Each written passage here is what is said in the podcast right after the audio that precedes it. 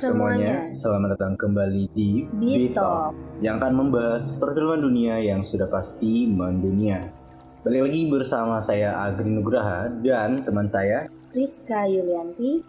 Hari ini kita mau review salah satu film tanah air yang telah tayang di bioskop-bioskop kesayangan kita, yaitu Perempuan, Tanah Jahanam. Lo kenapa gitu sih ya? Ah, ini kepala juga. Oke guys, jadi karena hari ini adalah temanya Horor. horor, jadi kita sengaja bikin setupnya horor. Ya, penting banget siapa yang peduli sama setup ini. Gak usah dibilangin. Gak usah dibilangin. Iya, pokoknya berasa nggak guys horornya? Hmm. Trick or treat. Eh, jadi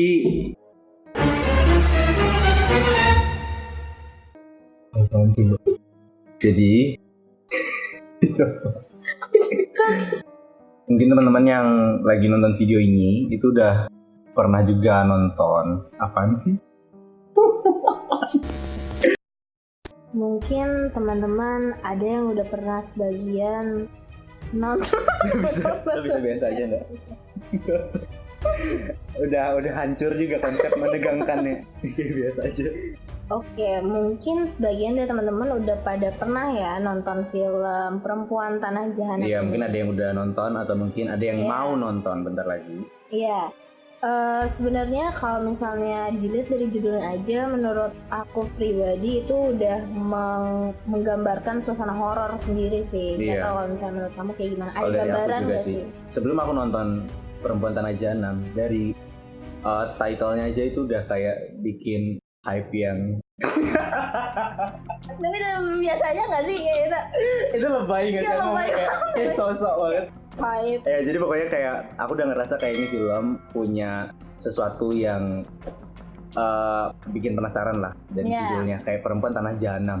Apakah tanahnya yang jahanam Atau perempuan yang atau jahanam. perempuan yang jahanam? Itu kita antara bingung Itu juga penting sih. banget. Oke, jadi uh, aku dan Rizka sebenarnya udah nonton film ini udah sekitar ya, dua mingguan lah.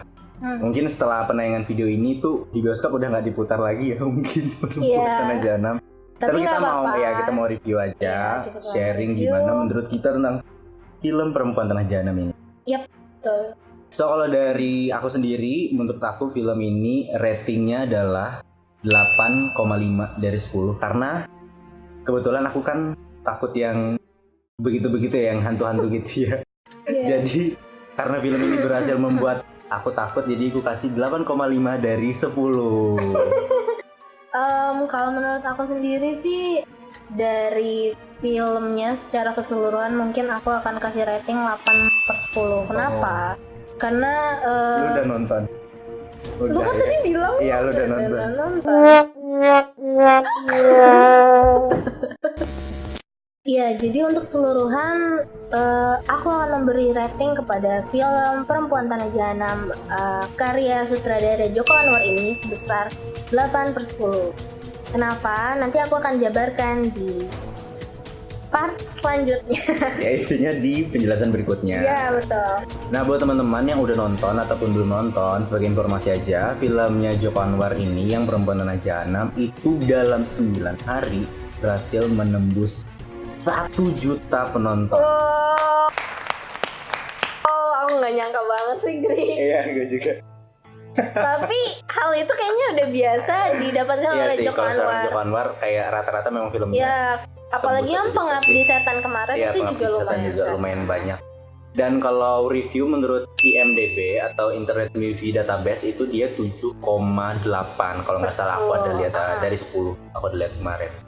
Nah sebenarnya sih kalau misalnya kita berbicara tentang rating dan views ya atau penonton yang udah nonton film-film Joko Anwar itu tuh bukan sesuatu yang wow juga nggak sih? Maksudnya kayak rata-rata film Joko Anwar itu memang tembus satu juta views dan ratingnya juga rata-rata bagus nggak sih? Iya, betul.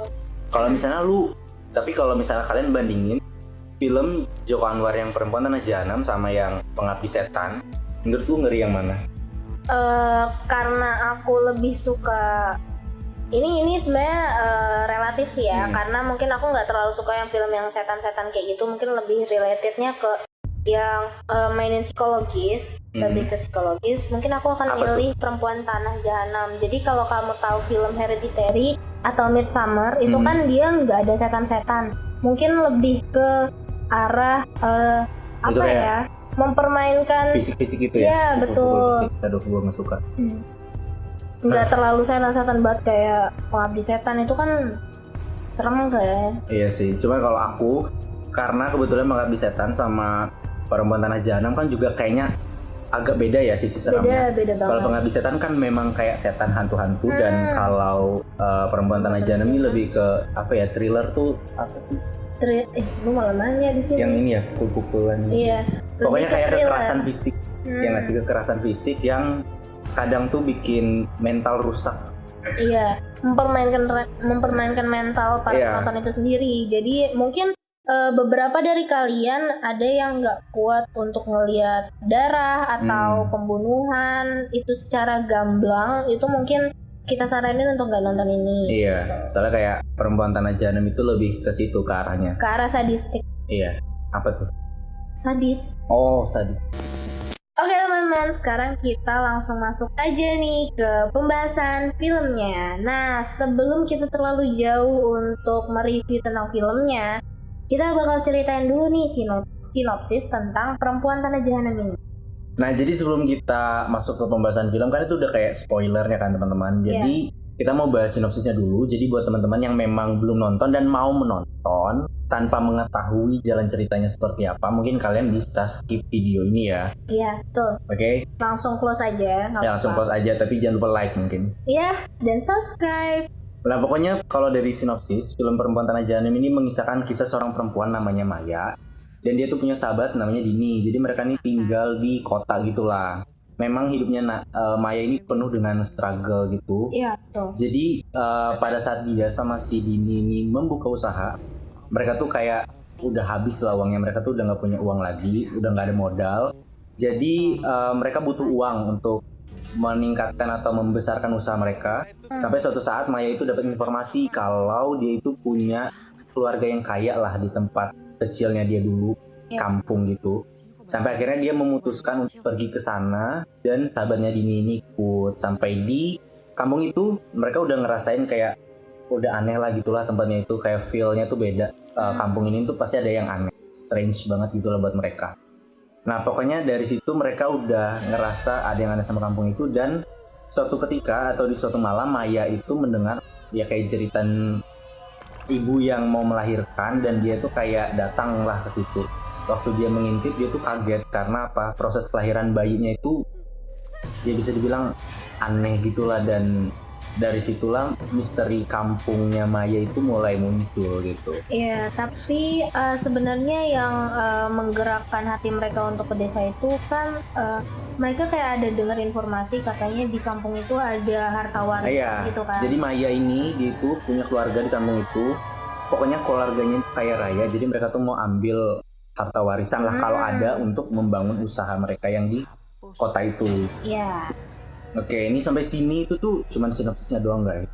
Ya, jadi setelah ini kita baru mau masuk ke pembahasan filmnya. Review film. Review filmnya yang bahkan bersih spoiler-spoilernya gitu. Iya, betul. Oke, tadi sudah bahas tentang uh, Sinopsis. sinopsis atau kayak trailernya dari film Perempuan Tanah Jahanam. Nah, sekarang kita masuk ke film Perempuan Tanah Jahanam ya. So, ini berisi spoiler buat teman-teman yang gak mau spoiler dan skip. Nah, jadi menurut aku dari film Perempuan Tanah Jahanam ini yang paling favorit atau aku suka dan mungkin teman-teman juga ada yang suka itu adalah opening scene-nya. Karena menurutku film Perempuan Tanah Jahanam ini salah satu film yang pernah aku tonton dan openingnya itu greget banget sih. Mungkin yang udah nonton juga bakalan setuju sama aku. Kenapa enggak ya? Pokoknya waktu itu kenapa aku paling suka sama scene ini karena pertama lu bayangin ya, lu ada di ruangan yang kecil kayak gitu terus kayak tiba-tiba ada orang yang mau bunuh lu dan lu mau kabur dari ruangan itu tapi kayak pintunya tuh kayak susah buat dibuka gitu lah Itu jadi susah nafas sendiri sih Iya. kita sebagai yang nonton. iya gitu jadi kan. kayak cepet cepet cepet pergi Iya. gitu lah pokoknya kayak ini scene-nya keren sih openingnya apalagi buat kalian yang mau nonton openingnya ini sangat penting sih menurut aku untuk kelanjutan ceritanya. Jadi, Jadi kayak jangan sampai telat ya gitu jangan sampai kalian nggak nonton opening scene-nya ini.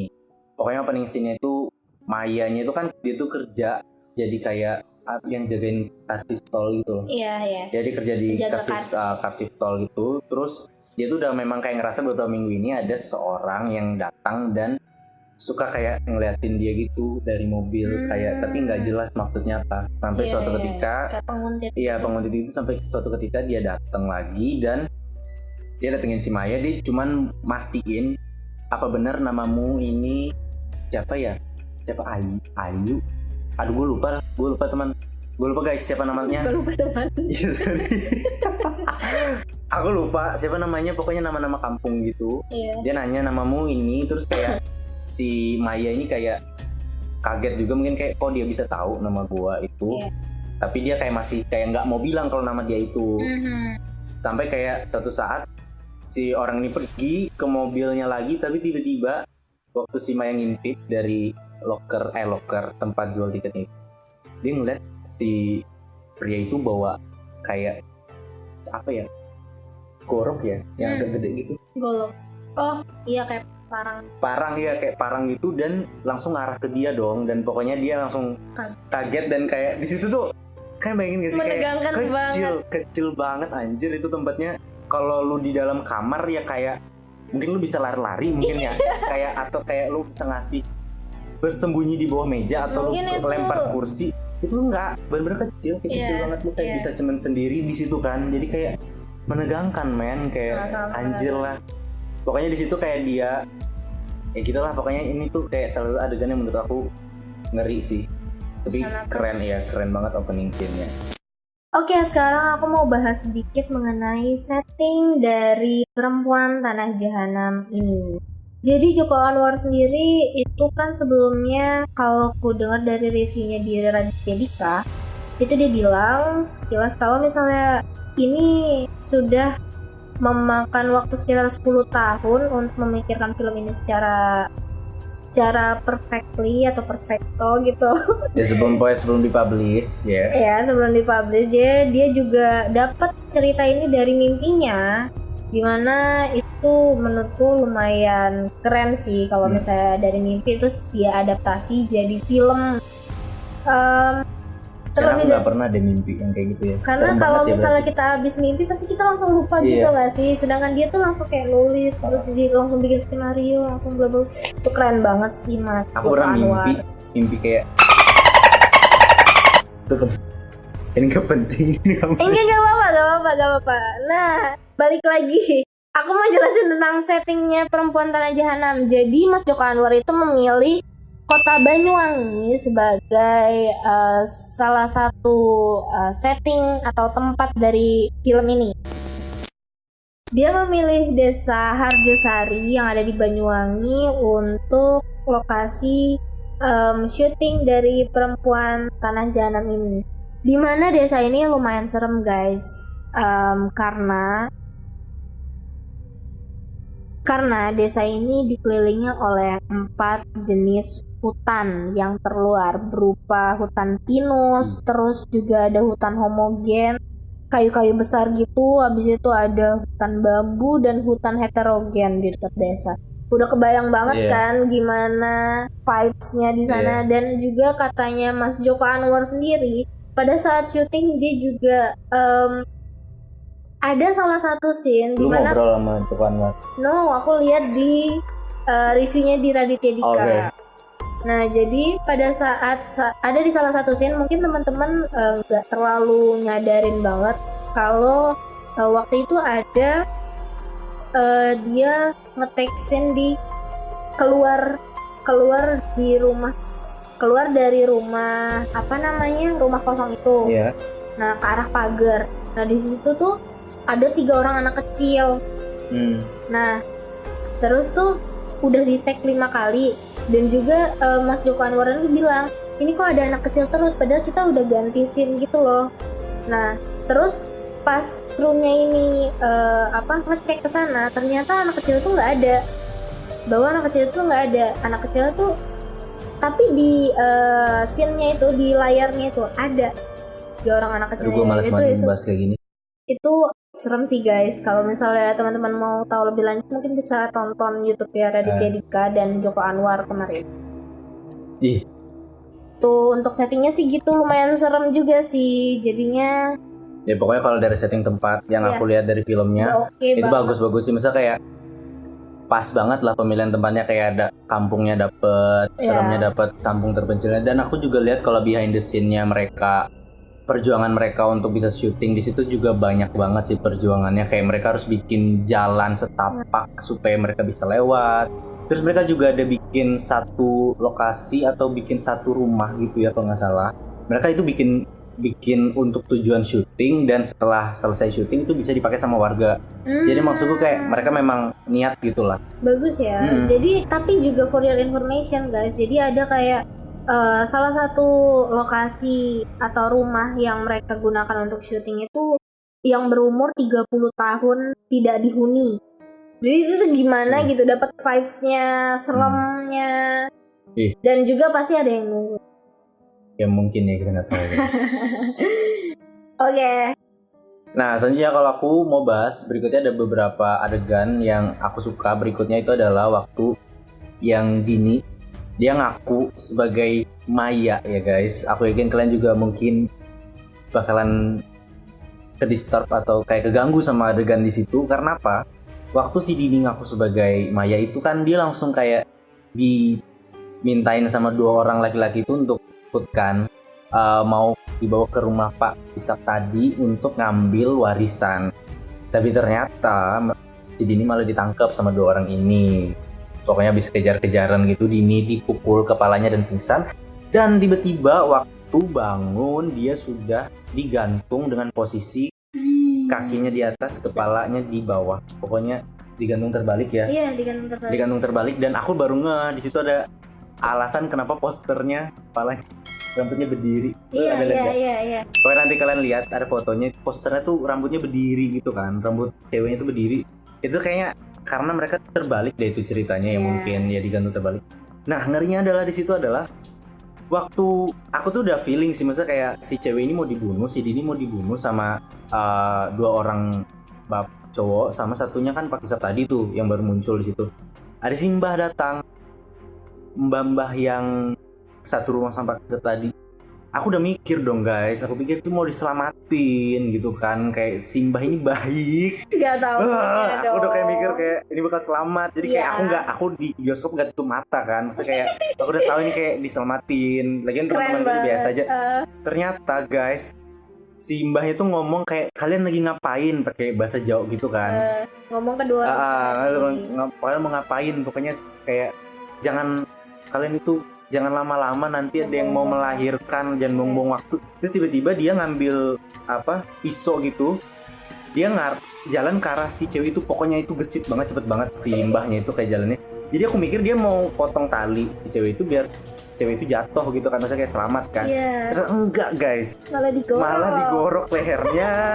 Iya. dan aku langsung kayak gitu loh kayak anjir. Aduh, lehernya digorok dan itu kayak kambing digorok aja udah serem. Iya itu kan? kayak ceweknya kayak langsung kayak lu kayak udah minta tolong kayak ngerasa iya kayak jeng-jeng kayak ih pokoknya darahnya keluar gitulah darahnya kayak ditampung di ember gitu ih pokoknya itu kayak salah sa- adegan kedua yang menurut aku kayak ngeri sih menurut aku kayak Serem banget. sih terus eh, kalau dari sisi alur cerita menurutku eh, bagus sih maksudnya film ini tuh ada plot twistnya lah. Di saat aku mengira si Maya adalah eh, tersangka atau orang yang memang bawa kutukan kan ceritanya dia di film ini gara-gara papahnya itu tapi ternyata enggak.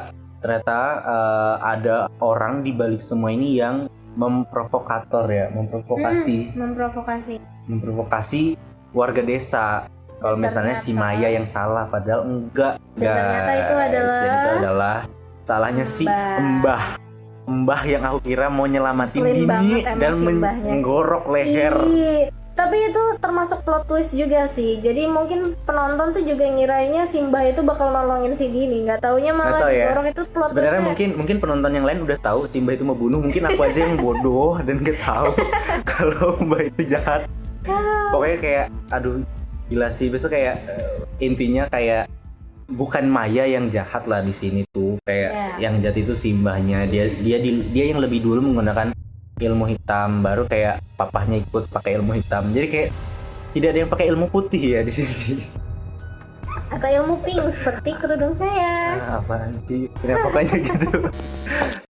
Nah setelah itu adegan berikutnya yang menurut aku keren juga. Atau kayak bikin kita kayak hah ini apaan sih? Kayak what the fuck gitu loh. Kayak adalah momen ketika si mbah itu dia gantung sesuatu di jemuran. Pokoknya aku kira dia gantung tuh loh, kayak gantung baju. Ternyata Iya. tuh dia gantung ini kulit. Kulitnya si Dini Dini yang udah mati. Jadi Iya, Dini yang udah mati. Dini yang udah mati kulitnya tuh diambilin guys. Jadi kayak guys. hmm, kulitin gitu udah mati. Pokoknya Dini tuh udah nggak ada. Dan kulitnya tuh mau dipakai buat jadi wayang itulah intinya Oh, kalau mau kutukannya hilang orang yang memegang kutukan itu harus dikuliti dan kulitnya tuh dijadiin wayang dan itu harus kayak di pegal pegelaran dia ada di Mhm. pegelaran wayang gitu baru Untuk kayak ritualnya ya gitu. ritualnya biar kutukannya hilang gitulah udah kayak males banget sih pas kayak gini Yap. jadi pokoknya singkat cerita film ini itu endingnya menyedihkan menyedihkan baik gitu ya. Karena Ngapain sih? karena eh, si Mayanya walaupun Dini mati dia selamat. Ya dia selamat. dan intinya adalah dia Pak berhasil Isak tadi dia ya berhasil menyelamatkan itu kan. Mm-mm, pokoknya aduh sebenarnya kalian harus nonton sih. Pokoknya endingnya bisa dibilang bagus dan menyedihkan. Karena waktu itu temen aku ada yang nangis waktu nonton itu karena sedih katanya. Soalnya kayak ya adalah itu nanti kalian nonton lah ya sendiri. Pokoknya intinya yang terlihat eh, buruk di situ itu enggak kok enggak buruk. Ya belum tentu buruk. Bisa saja yang ngomong itu buruk. Yang buruk apa sih? Si Gri, buruk. Tuh apaan Gri, apaan? Coba. sorry ya guys. Intinya adalah orang yang suka ngomong kejelekan atau keburukan itu dia belum tentu yang baik gitu. Hmm. tapi bisa saja dia bibit keburukan itu Nah di film Perempuan Tanah Jahanam ini untuk musik dan audionya menurut aku udah bagus sih. Maksudnya kayak Bagus. Joko Anwar memang basically dia kalau bikin film horor rata-rata pakai musik-musik klasik kayak musik-musik tahun lawas lah yang lawas-lawas Iya, gitu. betul. Jadi kayak kayak contohnya di Perempuan Tanah Jahanam eh sorry di Pengabdi Setan itu juga dia pakai musik-musik klasik kan dan kayak Di Ruangi nggak sih? eh bukan apa ya, sih apa yang ibu tuh di kesepian malam Oh, apa sih yang lagu lawas itu ya ya. Iya, pokoknya dia pakai lagu itu. Nah, di, di perempuan Tanah Jahanam dia juga pakai lagu yang lama lagi gitu loh. Dia pakai lagu yang pujaan hati yang dinyanyikan sama hati. The Spouse. Pujaan. Ini kalau kalian mau tahu ya.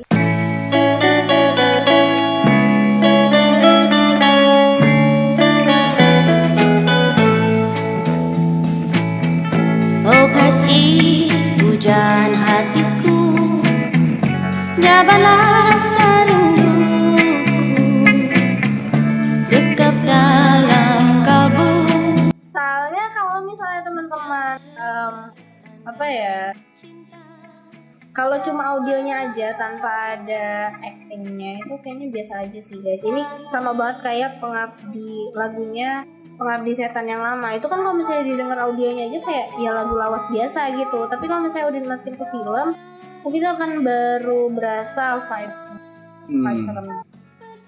Pokoknya aku kemarin tuh ngeri karena aku dengernya sendiri kayaknya sebelum bikin videonya malu.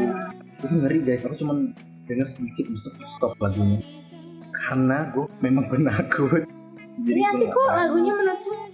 Ya, itu lah ya. Kalau Ya, menurut gitu. dia. Tapi kalau gue, oh enggak. Sebenarnya bagus sih kayak asmara-asmara gitu. Iya. Ya, eh. Oh kasih jalanku. Nah, untuk pemerannya sendiri itu ada siapa aja, Riz? ada Tara Basro of course di sini dia actingnya dapat banget dan dia juga Hmm. udah pernah memainkan film horor juga Eh, sebelumnya. pengabdi setan? Iya, pengabdi setan juga Tara Basro dan katanya dia Gundala sih juga. Iya, Gundala juga. Kayaknya film-film Joko Anwar dia Iya, dia kayaknya main mulu. dia kayaknya sangat tertarik dengan skripnya Joko Anwar. Iya. emang itu ada di jiwanya Jadi maksud lo Tara Basro terlahir untuk Joko Anwar. Jadi menurut Rizka Tara Basro ini lahir itu memang untuk si Joko Anwar. No, bukan teman-teman. Jadi mungkin dia kalau udah kayak percaya gitu sama Joko Anwar dan Hmm. eh, saat dia apa namanya baca skripnya dan dia merasa juga udah dapet feel-nya gitu loh. Jadi Iya. ya langsung oke. Kalau yang aku lihat dari video Raditya Dika, oke jangan lupa ditonton video Raditya Dika, Eh. oke? Bang Radit, Bang Radit keren banget bang, udah ini next bit hour akan mendatangkan Joko Anwar dan Tara Basro, oke? anjir. Di next film, Oke, nah habis si dari Tara Basro ada Marisa Anita sebagai Dini. Dia sahabatnya si Maya. Jujur ya guys, sebenarnya ini kan dari perspektifku ya. Kalau pilih aktingnya ma si Tara Basro sama si Marisa Anita untuk di film ini, walaupun Dininya itu mati, aku tuh masih lebih lebih seneng aktingnya. Soalnya kayak si Marisa ini, Marisa Anita ini karena dia lucunya ada. Terus dia tuh waktu yang dia mau mati tuh sumpah itu gregetnya dapat banget. Maksudnya kayak dia kan memohon-mohon tuh buat supaya dilepasin. Nah itu tuh kayak dapat banget gitu loh kayak dia tuh lagi kesakitan kayak jangan bunuh kayak dia mau lepas gitu aja kayak ih ih kayak gitulah. Nah terus abis itu ada Asmara Abigail dia berperan sebagai Rati. Pokoknya Rati ini kalau kalian kalian pasti tahu lah dia tuh yang ngomong yang kerasa nggak? Kerasa nggak? itu aku pikir waktu dia ngomong kerasa nggak itu dia nusuk pisau loh guys ke Maya dia ngomong kerasa nggak Oh, ternyata iya, dia iya, ngarahin paham. tangannya Maya ke perutnya dia dia hamil yang Oh, itu ingat kan lo Iya iya iya. nah ini inget dia nah habis itu ada Christine Hakim eh Christine Hakim atau Christine Hakim sih Kristen Hakim. ya pokoknya dia yang jadi Misni atau yang mbah-mbah itu yang aku bilang yang kira dia baik terus dia jahat dia yang menggunakan ilmu hitam terlebih dahulu. Nah terus ada Aryo Bayu jadi kisah tadi yang ah, dia ini an- anak dari Nyi Misni yang di jampi-jampi lah sama si mbahnya ini pada gara-gara ya sepertilah melakukan hal itu ah untuk acting pemainnya menurut aku udah oke oke ya maksud kayak masing-masing pemain tuh punya motivasinya nggak sih Iya. motivasi dan, Dan juga pendalaman udah sangat karakter mendalami banget gitu. Mhm. loh. Dan dengar-dengar juga ada ritualnya juga sih kalau misalnya kebanyakan film horor Hmm. pasti akan melakukan ritual dulu sebelum uh, syuting gitu mungkin untuk lebih menjiwai atau gimana gitu. ritual Iya, jadi tuh kalau misalnya teman-teman uh, lihat uh, Bang Radit punya video dengan Joko Anwar dan Tara Basro itu uh, jadi yang ber yang memainkan uh, yang menjadi tokoh mbah-mbah itu dia tuh sebelumnya kayak udah apa ya mungkin ada ritual tersendiri gitu loh mengurung Maksudnya dirinya. Ritual. oh. Kayak lebih kayak gitu. Itu kayak lu jangan pakai kata ritual deh. Apa? Gue kira kayak ilmu hitam gitu. Bukan jauh itu kayak pendalaman peran aja. Ya nggak sih? Men- pendalaman, pendalaman peran. pendalaman peran dengan Mhm. cara mungkin mengurung diri kayak Iya. gitu sih. Kebanyakan emang film horor emang kayak gitu. Iya. untuk, menda- untuk untuk lebih mendalami. Eh tapi kalau lu kalau gue kan tadi kayak acting eh acting kayak aktor favorit gue yang actingnya menurut gue kayak top banget. Di sini kan kayak Marisa ini kan Anita kan. Kalau lu sendiri siapa? Aku tetap dukung Tara Basro. Oke. Alasannya? Karena dia udah main banyak di film Joko Anwar lu kayak Tara Basro for the next Ini movie oke? ini alasannya tidak kompeten ya guys. Oke, Oke, teman-teman. Cepet lagi ya lu. Oke teman-teman itu tadi review kami tentang film Perempuan Tanah Jahanam. akhirnya sampai juga di Iya. part terakhir dari video ini Iya, pokoknya um, kami film Perempuan Tanah Jahanam ini sangat worth it ya buat Iya. ditonton. sangat-sangat worth it untuk ditonton Mm-mm. dan juga kalau kalian yang takut dan belum siap mungkin kalian bisa bawa temen atau keluarga untuk kawan jadi nggak terlalu Iya. Menegangkan banget dan Lagian kalau kalian nonton sendiri itu kayak menyedihkan juga sih nonton horor sendiri. iya kira Iya, apa kan? Iya. oke. Oh iya. wow Oh, wow. Nah, mungkin pesan-pesan dari film ini yang bisa kita dapat dari Perempuan Tanah Jahanam ini menurut aku satu ya Apa? jangan pernah mengaku sebagai orang lain karena lu bisa mati karena dini mati Apaan sih? terus terus tuh jangan berzina seperti kisah tadi dan eh, si istrinya dari ibunya Maya itu kan berzina itu jangan berzina Tidak dan tentu boleh. saja jangan menggunakan ilmu hitam ya sangat tidak penting sekali ya pesan dari film ini Oke guys, itu tadi review dari kami. Kalau misalnya ada kekurangan kita, mohon maaf. Iya, mohon maaf banget. Ah, kalau karena misalnya, Gue ngomong apa? nggak jadi. Oke. Kalau misalnya kalian mau kasih saran, misalnya konten apa yang bagus buat dibahas atau film apa yang bagus dibahas, Bisa tuh. bisa komen. Komen. Dan kalau kalian suka informasi ini, bisa kasih like dan buat kalian yang belum subscribe, bisa tekan button subscribe karena kami akan update tiap minggunya. Sip. See you next week, guys. Bye bye.